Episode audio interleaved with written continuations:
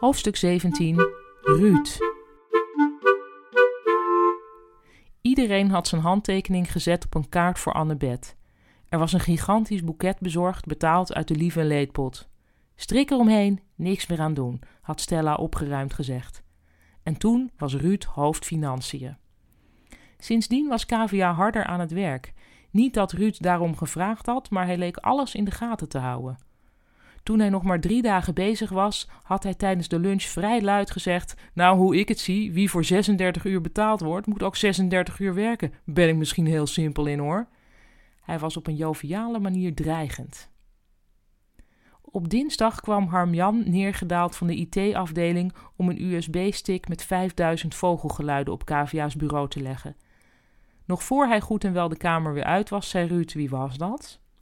Harmjan, zei Kavia zo zacht mogelijk. Harmjan? Die gast met die Tamagotchi? Jezus, dat hij hier nog werkt. Kavia was bang dat Harmjan het gehoord had.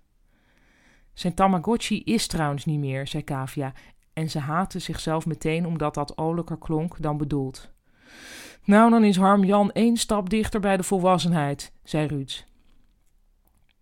Aan het eind van de dag stond Ruud ineens achter haar. Kavia was blij dat ze niet net op dat moment medische symptomen aan het googelen was. Ken jij Juliette Everdingen? vroeg hij, zonder enige inleiding. Nou, kennen, kennen, zei Kavia, terwijl ze snel probeerde te raden waar dit heen ging. Ze is de nieuwe vriendin van mijn ex. Precies, zei Ruud, alsof ze een quizvraag goed beantwoord had. En die Juliette is dan toevallig weer mijn buurvrouw.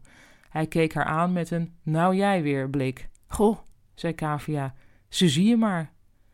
Leuke vrouw, die Juliette, zei Ruud mijmerenderwijs. Ze is letterlijk en figuurlijk de girl next door, maar ze heeft ook iets mysterieus. Hij keek Kavia aan. Of vind je dat niet leuk om te horen?